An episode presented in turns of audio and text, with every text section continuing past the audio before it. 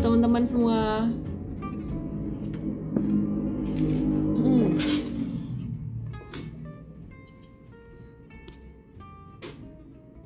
Uh, belum apa-apa nih udah ada pertanyaan bagus nih dari AMD Vitu kamu dapat M trade 7 hari. Aku pin dulu ya. Aku pin dulu nanti aku bahas. Oke terus malam hari ini aku bakalan ditemenin dengan uh, salah satu dari tim M trade uh, dari senior equity analis atau equity research kita gitu. ah, siapakah dia? Nanti ya kita akan invite. Sebelumnya teman-teman aku mau tahu dulu nih gimana kabarnya teman-teman semua. Uh, eyelinernya gak gak kecoret dikit abaikan lah ya. Yang penting kontennya. Distracted by my own eyeliner.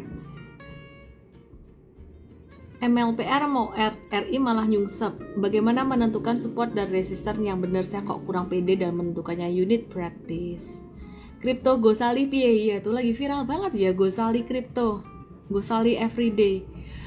Um, selamat malam semuanya. Gimana caranya keluar dari saham yang di ARB terus menerus? Wih, ini juga bagus nih. Aku gimana ngepin dua pertanyaan ya? Arif Wijaksono. Nanti kalau aku lupa bahas diulang lagi aja ya. Arif Wijaksono, kamu dapat entry 7 hari dan tolong nanti diulang lagi pertanyaannya. Oke. Okay. Um, udah hampir seribu yang nonton. Kalau udah seribu aku akan mulai bahas IHSG-nya dan pastinya teman-teman jangan lupa jangan lupa simak sampai habis tonton sampai habis. Karena hari ini kita akan belajar banyak tentang fundamental ya. Kita akan eh, review-review beberapa saham dari segi fundamentalnya. Oke udah seribu yang nonton. Ya sekarang kita mau review IHSG-nya dulu. Kita lihat IHSG gimana um, ini adalah gambar IHSG dari beberapa waktu kemarin higher high higher high dan batas supportnya tuh sekitaran level garis biru ini dan memang support sakti di sini belum ditembus ya. Jadi kalau seandainya besok IHSG hijau itu bagus karena dia ngebentuk higher low lagi dan dia berusaha breakout dari level 6740. Tapi teman-teman di level 6740 atau 6736 garis uh, biru yang di atas itu teman-teman jangan terlalu euforia dulu ya. Kenapa? Karena uh, di resisten itu merupakan resisten yang cukup kuat ya. Oke. Okay.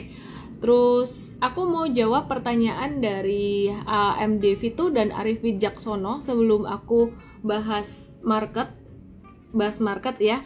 E, bagaimana caranya menjual saham yang dibeli terlanjur banyak tiba-tiba downtrend? Apakah harus average down di harga ARB agar bisa pelan-pelan jual sedikit demi sedikit saat ada pantulan?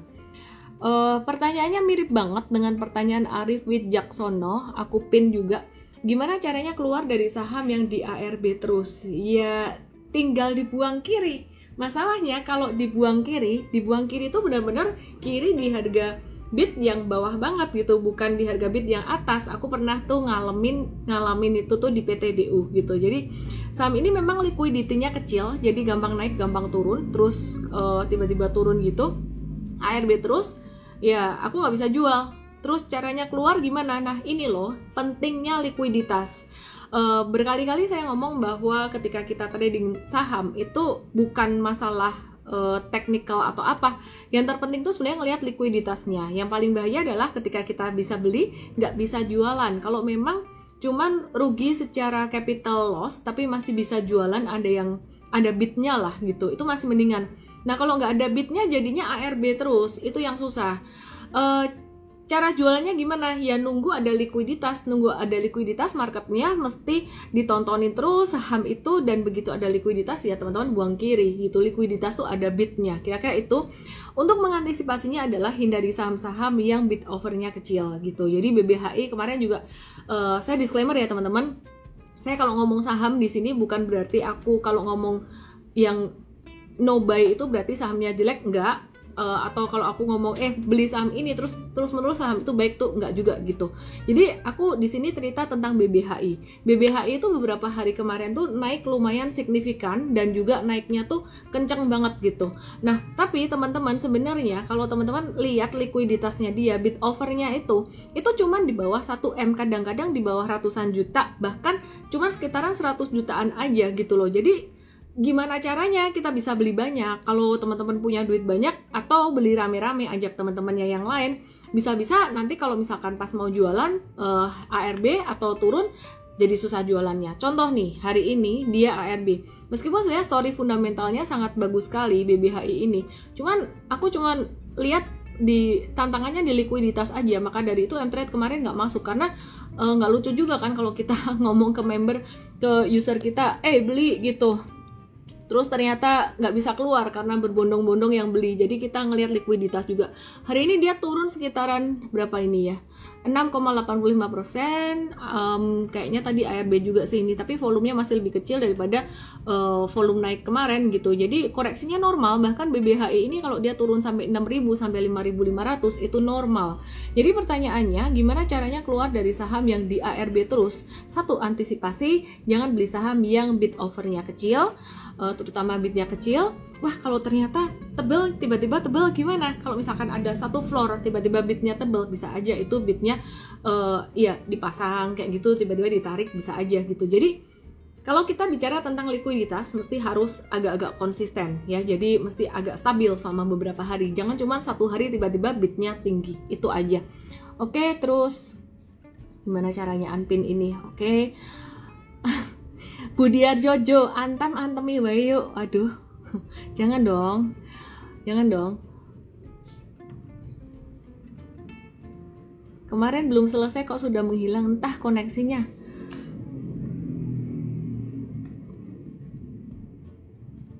oke okay.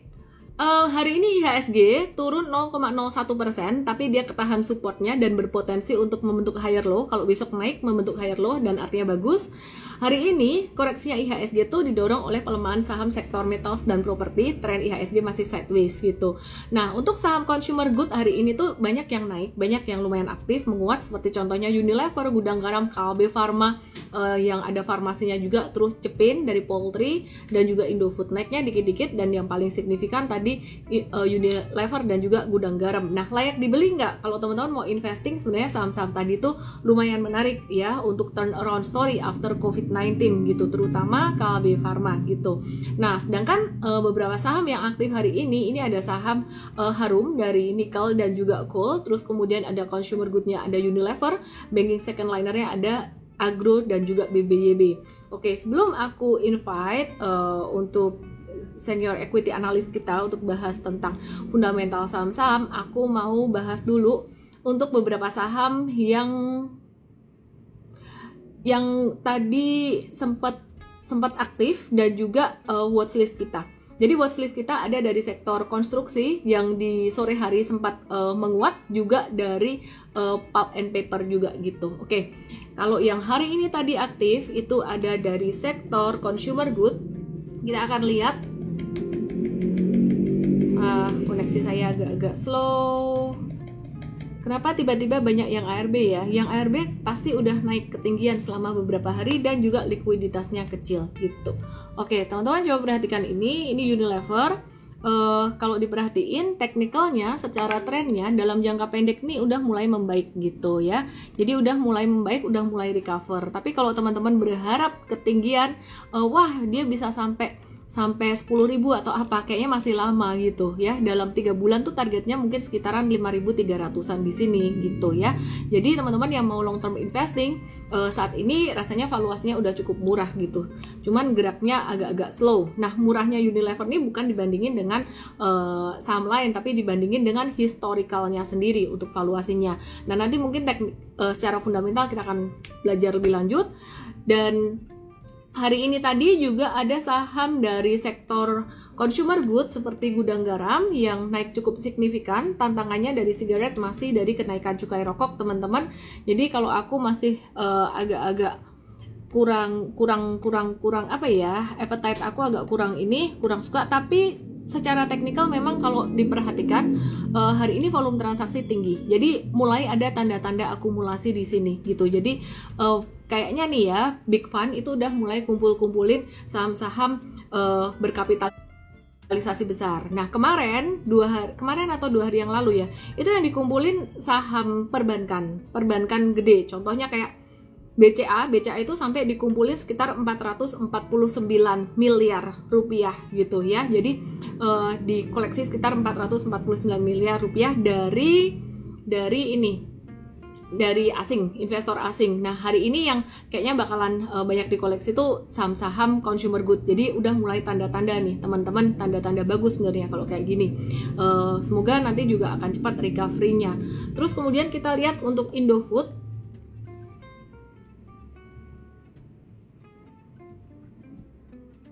udah nggak ada korelasi FA dengan harga saham. Yang ada korelasi dengan harga saham adalah supply and demand sebenarnya. Jadi um, yang lebih menarik sebenarnya bukan bukan fundamental perusahaannya ya, bukan fundamental secara uh, untung rugi atau PE ratio-nya kayak gitu. Yang lebih menarik adalah story sektoralnya gitu. Kenapa saham-saham digital banyak diminati padahal fundamentalnya ya masih banyak yang rugi-rugi kayak gitu. Karena ya memang story-nya story digital ini lagi lagi hype gitu logikanya simpel, logikanya simpel aja. Nanti kalau Gojek Tokopedia IPO di Indonesia, maka bobot dari sektor atau indeks teknologi ini akan menjadi lebih besar. Dengan demikian, maka uh, fund manager atau aset management reksadana mereka juga harus melakukan rebalancing terhadap portfolionya untuk mengikuti bobot indeks ini dan menambah saham-saham di sektor teknologi. Uh, maka dari itu nggak heran kalau sekarang tuh saham-saham di bidang teknologi itu udah mulai mulai apa ya mulai aktif lagi gitu. Oke? Okay? terus Indofood. Tadi Indofood aktif juga teman-teman. Dan uh, Indofood sih udah aktif selama beberapa hari terakhir kalau dilihat patternnya ini ya masih sideways sideways aja jangka pendek hati-hati rawan profit taking. Tapi jangka menengahnya uh, atau untuk jangka panjangnya sebenarnya masih sangat potensial gitu ya. Oke disclaimer teman-teman. Disclaimer teman-teman bahwa analisis yang kita lakukan menggunakan analisis teknikal analisis fundamental. Tapi nggak ada satupun yang pasti di market nggak ada yang 100% pasti. Uh, kita semua trading itu berdasarkan probability. Sehingga uh, harus ada pembatasan risiko. Oke, okay, banyak banget yang nanyain tentang Antam dan juga Tins yang kemarin aku udah bahas. Antam tuh kemarin ada sentimen negatif yang aku udah mention ya, uh, source-nya dari detik kemarin tuh. Cuman kayaknya itu bukan satu hal yang signifikan karena ternyata metals yang lain juga juga terpengaruh gitu. Oke, kita lihat ya. Nah, Antam hari ini turun, turun signifikan. Setelah dari kemarin sih, setelah uh, dia sideways lumayan lumayan lama di 2200 nih support kuat banget. Nah, saya pernah bilang beberapa waktu yang lalu, eh Antam nih 2200 tuh support kuat banget loh dari jan, dari Maret dari Januari tuh pokoknya nggak turun-turun deh dari 2200. Uh, spekulatif buy di 2230 uh, lumayan low risk nih kalau misalkan uh, mantul ya ya ya syukur tapi kalau misalkan misalkan turun pun di bawah 2200 itu dekat dengan support eh ternyata malah turun gitu jadi kemarin eh, kita kita kasih tahu untuk exit atau cut loss. Nah teman-teman kalau kayak gini boleh buy on weakness nggak? Kapan sih kita boleh buy on weakness? Kalau kondisi kayak gini ini tuh belum boleh buy on weakness. Oke, bentar ya. Kalau kondisi kayak gini ini belum boleh buy on weakness. Kenapa? Ya, jadi kalau misalkan teman-teman uh, lihat ini candlenya turun dengan volume transaksi yang masih tinggi, artinya pressure atau tekanan jualnya tuh masih gede gitu. Nah teman-teman kalau mau uh, lihat kayak gini pre-market uh, dibahasin teknikalnya itu ada di morning briefing M Trade. Nah kapan kita boleh beli kalau ada satu saham yang turun boleh buy on weakness tuh kapan? Uh, kita boleh buy on weakness ketika udah mulai keluar candle hijau gitu ya, udah mulai keluar candle hijau. Um, udah mulai keluar candle hijau tuh terutama di area support dan volume jualannya udah mengecil. Jadi istilah kata tuh ini kan candle merahnya masih gede ya. Candle merah masih gede, volumenya juga masih gede. Terus kemudian uh, kita tunggu candlenya tuh mulai pendek, mulai pendek dan volume merahnya tuh makin kecil. Nah setelah itu keluar hijau. Nah itu tuh baru boleh buy on weakness. Kalau kondisi kayak gini jangan dibeli, artinya kamu menangkap pisau jatuh gitu. Oke, semoga paham ya teman-teman um, kalau mau belajar di mana? Teman-teman download aja aplikasi Mtrade dan di aplikasi Mtrade ini banyak banget edukasinya. Paling simpel jam 4 kamu tongkrongin gratis. Itu seminar untuk teman-teman pemula belajar saham, mulai belajar saham. Jadi dikenalin dari awal uh, untuk uh, setiap setiap hari jam 4 sore itu ada Investart, namanya Investart. Namanya juga Start ya untuk pemula. Oke, okay, kalau nyangkut gimana? Ya jangan sampai nyangkut, jangan sampai nyangkut jadi Antam ini udah kita bahas sejak sebelum dia jatuh. Intinya di bawah 2200 cut loss. Di bawah 2200 cut loss gitu. Nah kalau ternyata nggak sempat cut loss kemarin sebenarnya hari ini tadi tuh dikasih kesempatan loh. Dia sempat mantul dikit gitu. Kalau kemarin nggak sempat cut loss terus nonton IG live hari ini dikasih kesempatan uh, mantul dikit gitu. Nah terus kalau masih nggak sempat cut loss juga eh, berarti kamu kayaknya mestinya lebih ke arah investasi aja nih jangan trading. Karena kalau trading harus mantauin gitu. Paling enggak pagi atau sore mesti dipantau. Di Mtrade dibantu dengan notifikasi notifikasi buy sell kayak gitu ya untuk membantumu mengambil keputusan investasi. Tapi kan tetap aja harus dilihat. Kalau nggak dilihat notifnya nggak dilihat marketnya ya gimana Oke okay, ya, jadi nggak usah direnu, nggak usah disesali sampai gimana. Terus hari ini tadi sore hari itu uh, sektor konstruksi cenderung menguat. Kita lihat uh, teknikalnya gimana untuk sektor konstruksi. Kita lihat yang pertama ada WSKT. WSKT. Nah, teman-teman perhatikan di sini. Wah, ini nih Tadi tuh WSKT itu sebenarnya udah mulai ditarik dan lumayan tinggi, volume transaksi tinggi, tapi kayaknya nih banyak nyangkuters. Jadi banyak yang jualan di sini. Terus kita akan lihat untuk saham yang lain ya, ada Adikarya. Hmm. Adikarya tadi juga sempat malah tadi sempat turun terus malah naik, closingnya naik. Terus Wika dan ini volumenya juga udah mulai uh, aktif ya kita wait and see dulu ya teman-teman ya. Wika ini juga aktif terus uh, eh, WSDP tadi juga aktif jadi masih masuk watchlist aja gitu. Nah uh, abis ini kita akan lihat untuk pulp and paper gitu. Ini WSDP nya aktif tapi masih merah. Kita akan lihat pulp and paper INKP dan juga TKIM yang sempat aktif beberapa hari kemarin uh, udah profit taking kayaknya udah mulai dia ngebentuk higher low lagi. Jadi ini dia ngebentuk satu higher low jadi kita bisa watch lagi gitu. Oke. Okay. oke okay, aku akan invite di sini ada coach William. Invite to join and trade ID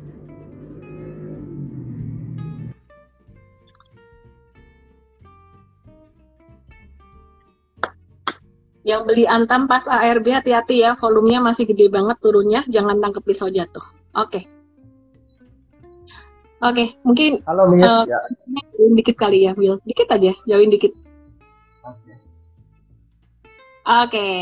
Ya, ya kenalin teman-teman okay. semuanya. Di depan kita saat ini udah ada Coach William. Hai Coach William, apa kabar? Halo, halo, baik nih. Apa kabar juga, Miss? Say hi buat Coach William. Uh, ini perdana Coach William tampil di IG Live. Tolong teman-teman komentarnya yang bagus-bagus ya. Biar Coach Williamnya semakin semangat juga.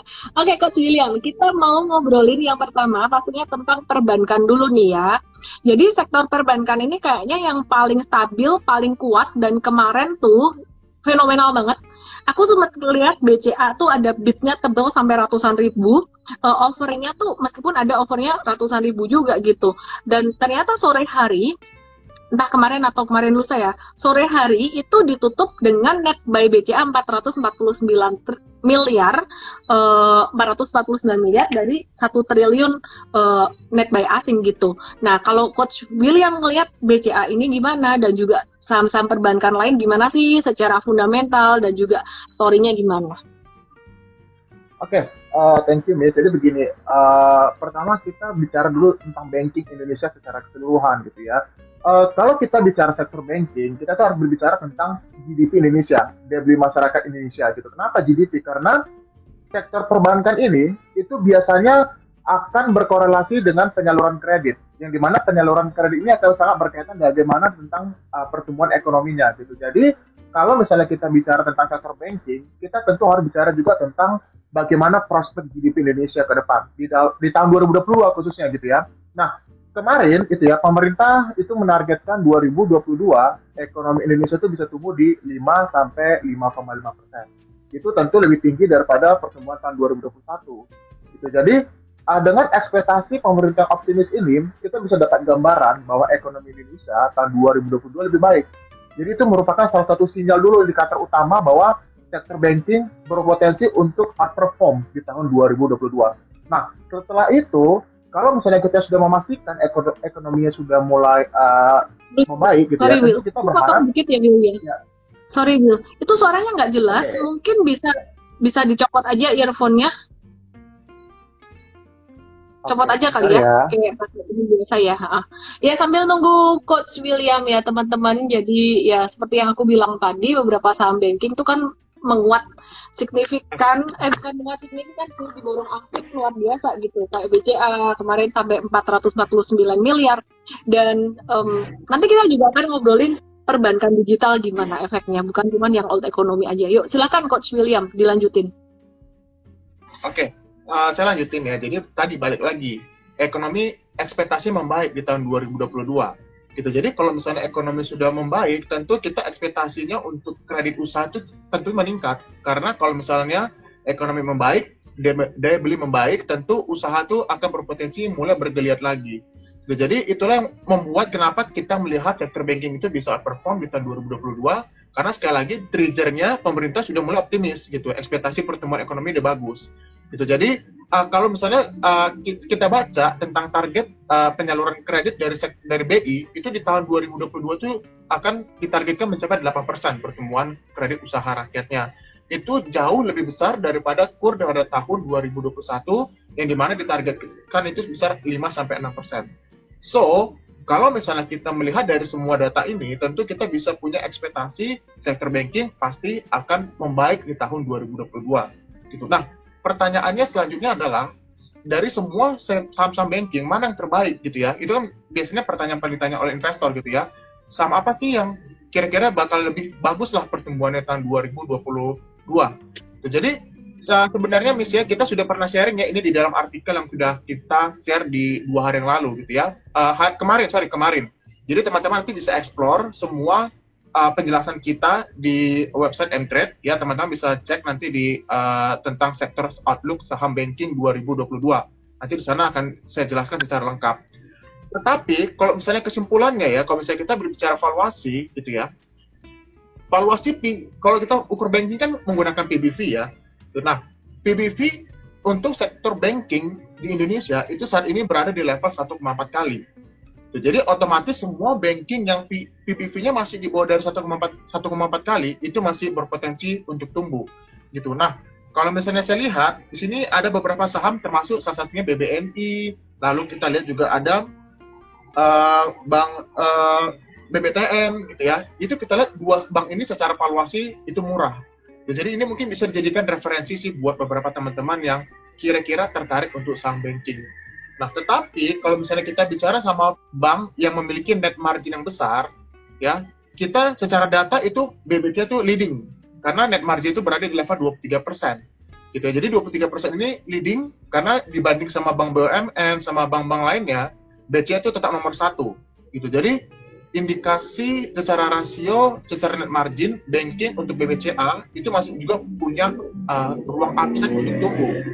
Selain karena net marginnya bagus, teman-teman uh, perlu ketahui juga bank digital BCA juga lagi dalam momentum yang bagus karena kalau teman-teman perhatikan bank digital BCA melalui aplikasi Blue itu lagi growing gitu, lagi bertumbuh, lagi berkompetisi dengan bank-bank digital lainnya gitu. Tapi soal posisi ya mungkin teman-teman bisa melihat ya posisi uh, bank digital BCA ke depan gimana, melihat dari nama bank BCA.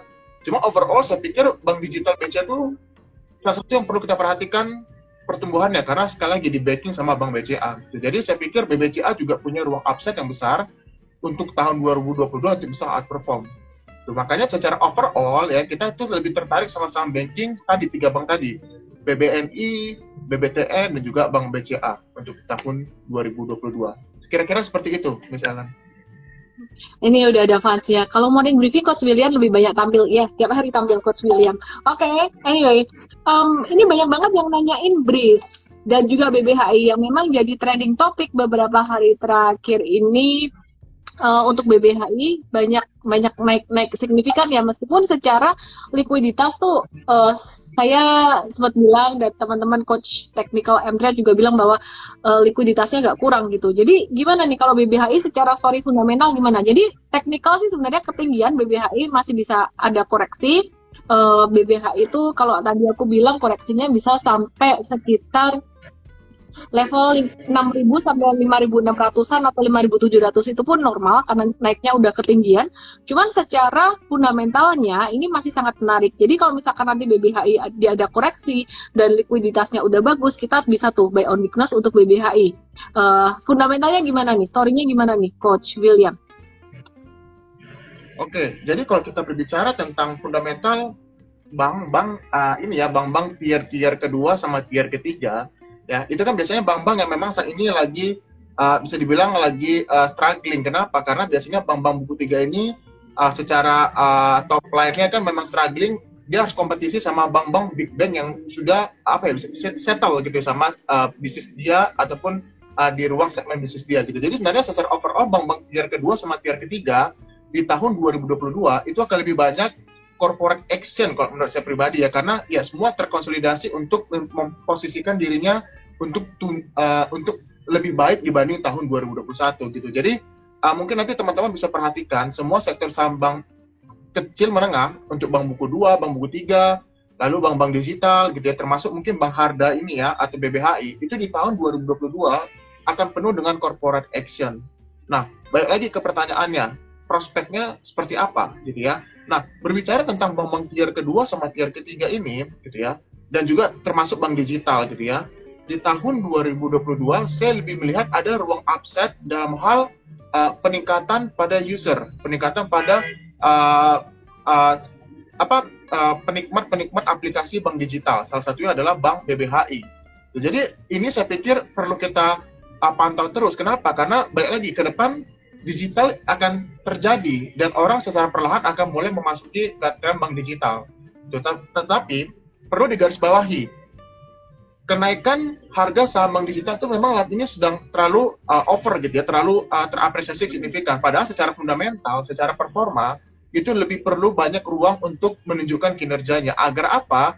Agar harganya tidak terlalu ketinggian dan valuasinya tidak terlalu ketinggian gitu. Jadi secara kinerja sebenarnya kita perlu antisipasi lagi nih, Miss Ellen gitu. Kenapa? Karena balik lagi di kuartal di semasa di tahun 2022 itu saat ini lebih lebih pengen terkonsolidasi sih bisnisnya akan lebih hmm. banyak corporate action gitu gitu. Jadi uh, mungkin resikonya perlu diantisipasi dari sana aja sih, misalnya. Hmm, itu yang tadi ada yang nanya nih BBHI dan BB versus BBB gimana? Kalau menurut aku sih uh, story barunya tuh di BBHI teman-teman. Jadi banyak banget yang uh, masuk ke BBHI kayak kalau nggak salah Grab, Karo itu juga masuk ke BBHI, Bukalapak pun masuk ke BBHI. Jadi semua masuk ke situ. Jadi ini kayaknya new story deh. Kalau BBB itu udah uh, udah udah pertama kan Arto ya, kemudian habis itu BBB. Nah, the nextnya kayaknya bakalan bisa BBHI. Cuman masalahnya ya uh, liquidity-nya aja yang sekarang masih kurang. Jadi kita tunggu aja liquidity-nya. Terus kalau BBB masih bisa masih bisa menguat nggak sih? Sekarang tuh dia posisinya lagi di area support gitu. Ini BBB masih masih menarik menurut saya gitu untuk uh, kita wait and see. Sementara sih kita swing trading dulu aja. Nah kayak yang tadi Coach William bilang uh, untuk saham-saham digital banking ini ini fundamentalnya sebelum sebenarnya belum terlalu kuat. Jadi MK memutuskan untuk uh, swing trading aja.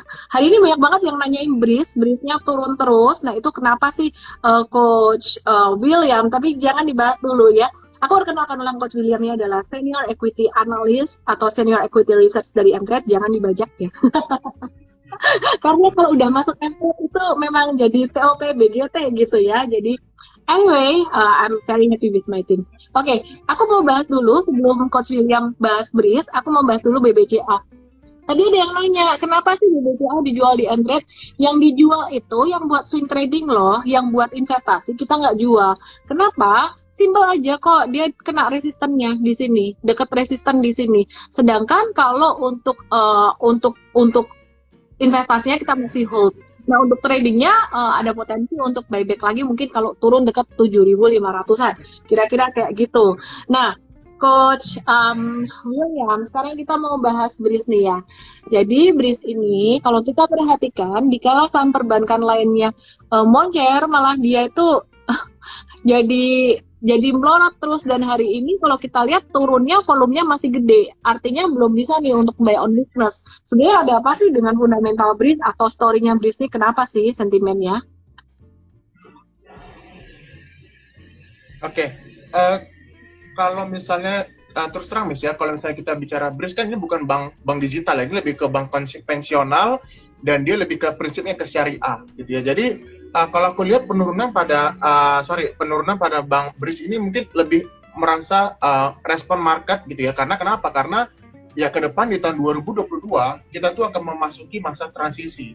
Ya baik, lagi semua arahnya ada ke digital gitu. Jadi kalau nggak masuk ke big bank mending aku masuk ke bank digital sementara bank konvensional syariah memang secara tren pertumbuhannya itu masih tanda tanya gitu nah mungkin jadinya ini yang uh, saya pikir ada shifting secara uh, arus kas uh, arus uh, investasi ya dari saham-saham syariah masuk ke bank digital gitu. Jadi uh, saya pikir mungkin lebih ke arah sana uh, ke arah sana sentimennya misalnya kenapa hari ini Bank BRI Syariah bisa ngedrop. Tetapi bukan artinya bank syariah uh, atau BRIS itu uh, jelek fundamentalnya gitu ya. Karena kalau saya lihat BRI Syariah ini salah satu bank milik BUMN dengan aset dan juga prospek bisnis yang lebih bagus dibandingnya semua bank syariah lainnya. Karena balik lagi, Bank BRI Syariah ini kan merupakan kumpulan dari Bank BN, Bank Bank Syariah BUMN di Indonesia. Jadi secara size-nya, secara target marketnya itu luar biasa besar sekali. Jadi dengan uh, posisi penduduk muslim di Indonesia yang besar gitu ya, ke depan saya pikir masih ada ruang bertumbuh juga buat BRIS. Apalagi kalau misalnya BRIS mulai mem memberanikan diri untuk bisa shifting ke digital. Saya pikir itu sampingnya akan lebih menarik lagi ke depan gitu. Jadi sebenarnya kalau aku perhatikan yang sekarang lagi hype itu adalah uh, emiten perbankan digital yang ekosistemnya luas. Jadi ekosistemnya besar. Jadi kayak BBB uh, eh, Arto itu dia menang di ekosistemnya kan atau dengan uh, Gojek, BBB dengan Aku Laku, terus kemudian uh, BBHI ini dengan Bukalapak, Karo dan Grab banyak lagi gitu. Oke, teman-teman tadi ada yang nanya gitu katanya di live IG sebelah uh, komplain Mtrade uh, pada rugi sebenarnya ya teman-teman ya. Kalau mau objektif kita lihat ini yuk. Kita lihat ini yuk ya. Yang namanya trading ada untung rugi itu wajar. Nah ini yang hijau tuh cuan yang merah itu loss. Ini dagangan alias yang udah dijual gitu ya. Jadi ini dalam uh, sehari, sehari dua hari, five hours ago. Ini banyak kan yang hijau coy daripada yang merah gitu. Terus ya, ini kalau yang biru-biru itu itu artinya BEP gitu ya. Ini ada merah dikit-dikit wajar lah. Nah, ini masih ada banyak hijau-hijaunya gitu. Ya anyway, um, teman kita nggak selalu menjanjikan cuan ya. Yang terpenting adalah eh, kita manage resiko terus, manage resiko, resiko nomor satu, kita memang tradingnya nggak nggak gila-gilaan, nggak yang agresif, nggak yang gimana banget. Tapi at least konsisten lah, selalu konsisten terus gitu ya. Dan uh, market lagi seperti kayak gini, teman-teman mau trading kayak gimana sih? Ini malah harum, ini dapat cuan 25% untuk jangka menengahnya. Uh, sempat dijual tanggal 6 Januari kemarin. Jadi aku nggak cuma kasih lihat yang uh, untung-untung aja nih, tapi yang uh, loss juga aku kasih lihat. Jadi anyway, uh, kita objektif aja dan aku kasih lihat apa adanya. Ya, buat uh, saham yang lain nih, coach. Ini banyak banget yang penasaran kenapa Antam dan Teams ini merosot gitu ya. Secara teknikal udah aku bahas. Nah, kalau secara fundamentalnya, secara story-nya, ada apa nih dengan Antam dan Teams? Oke, jadi begini ya, saya pikir memang ini lagi rame karena buka di media sosial mana pun pasti semua orang dibicara kenapa Antam turun, kenapa Teams turun gitu ya. Uh, jadi seperti ini, kalau misalnya dari pandangan kita, ya. Uh, mungkin teman-teman sudah dapat juga sentimen yang pertama itu adalah faktor adanya uh, sentimen dari gagalnya akuisisi dari Indonesia Battery Corporation atau IBC mengakuisisi dari Street Scooter. Ini salah satu pabrik EV di Jerman gitu ya. Jadi uh, sedikit flashback gitu ya teman-teman ya. Tahun 2021 akhir itu pemerintah Indonesia itu ingin menargetkan untuk mengakuisisi perusahaan salah satu perusahaan electric vehicle yang dimiliki oleh uh, Jerman ini. Untuk apa tujuannya? Untuk menciptakan ekosistem agar tambang-tambang dan juga pabrik pabrik produksi baterai di Indonesia itu bisa mempunyai ekosistem. Jadi kita punya tambangnya, kita punya pabrik produksi baterainya, dan kita juga punya pabrik produksi mobilnya gitu. Jadi sebenarnya ini yang diharapkan akan jadi impian munculnya adanya Indonesia Battery Corporation ini biar maksimal aja gitu tambang nikel milik kita di Indonesia. Nah, tetapi ya mungkin teman-teman sudah lihat ya di per hari ini tuh beritanya keluarnya itu adalah IBC, uh, IBC ini gagal untuk akuisisi dari uh, street uh, scooter. Ya, kalau misalnya saya lihat itu valuasinya berpotensi transaksi di 170 juta US dollar atau kalau di di, di konversi ke rupiah itu sekitar 2,44 triliun rupiah.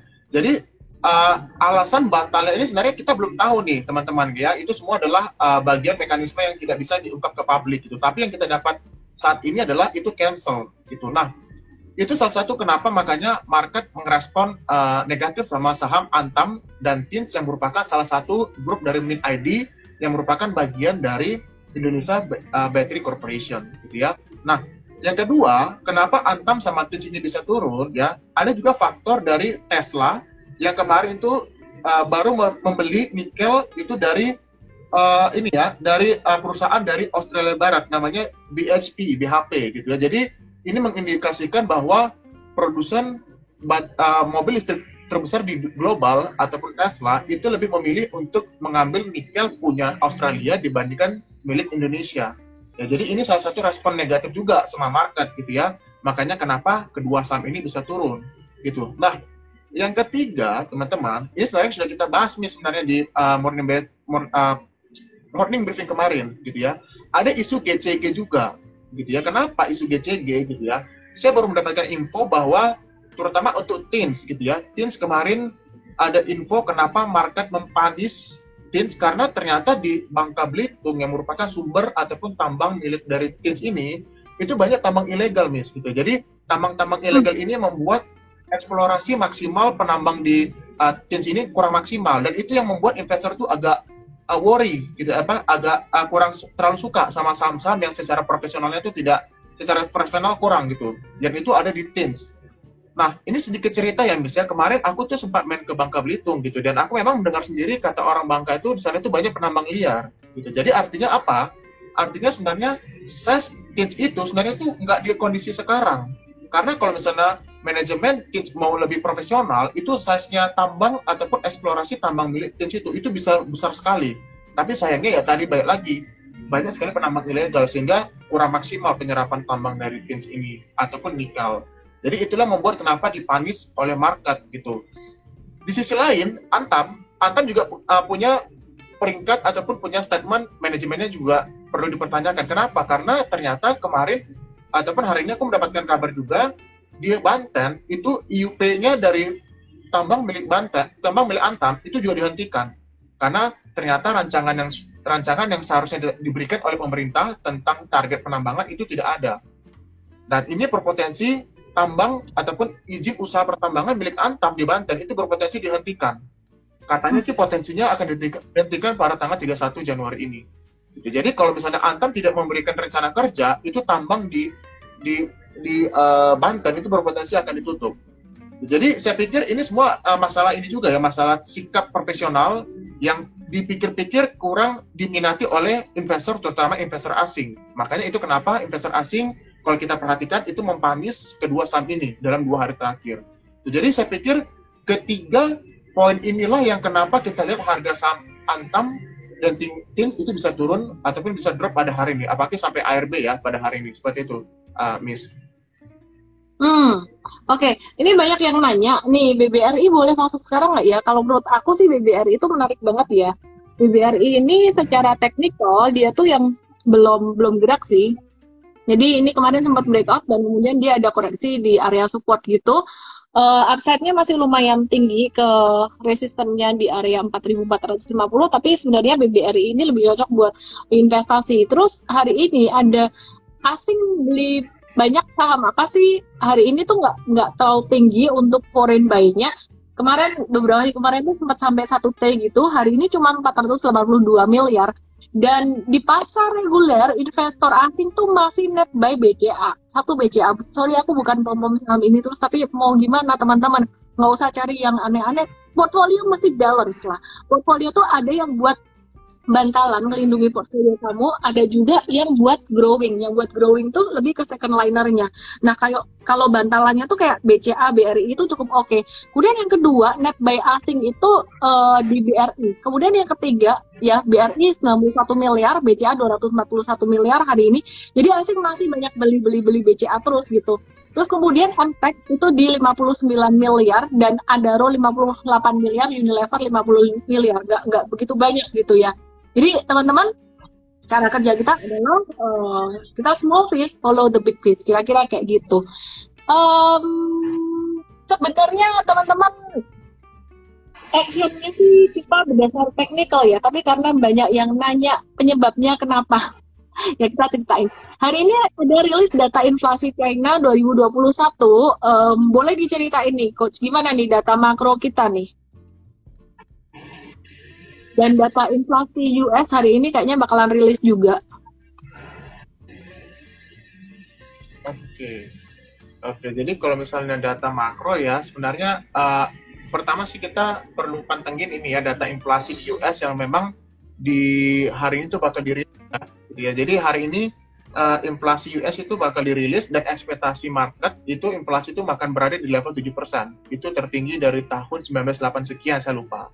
Jadi sebenarnya kalau memang nanti apa realisasi inflasi ini keluar dan memang itu sesuai sama ekspektasi dari dari uh, uh, market tentu akan bisa berimplikasi negatif ke market. Kenapa? Karena artinya the Fed rate itu berpotensi akan lebih agresif naiknya untuk mempertahankan inflasi ini. Artinya kalau inflasinya, artinya kalau misalnya the Fed menaikkan suku bunga, itu potensi adanya uh, shifting cash flow dari negara berkembang ke negara maju itu akan terjadi.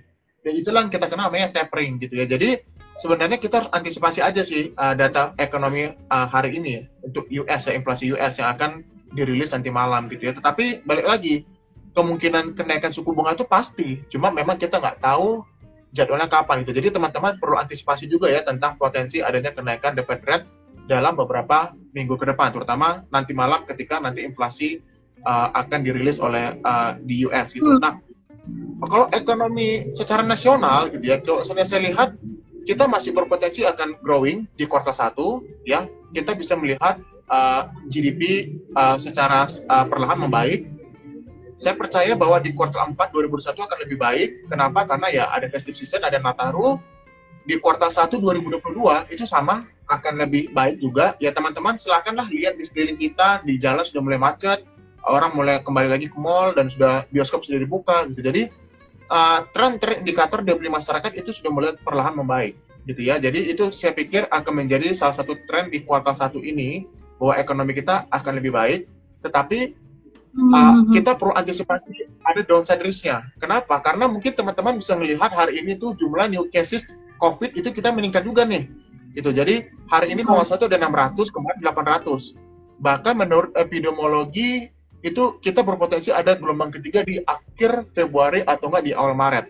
Hmm. Jadi uh, kalau misalnya kita berani melihat positifnya, kita harus berani juga lihat negatifnya. Dan itu saya pikir perlu diantisipasi juga oleh investor melihat tren-tren ke depan. Gitu. Tapi setidaknya okay. kuartal 4 2021 sama kuartal 1 2022 itu masih lebih baik seperti itu, Miss. Oke, okay, oke. Okay. Thank you Will. Thank you so much ya. Uh, thank you Will. Uh, good night.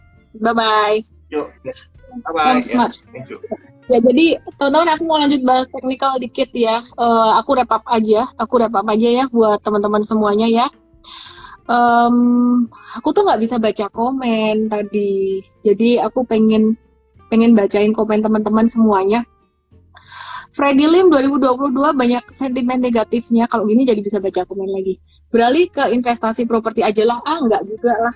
Uh, properti kalau menurut aku oke, okay, tapi saham lebih oke. Okay.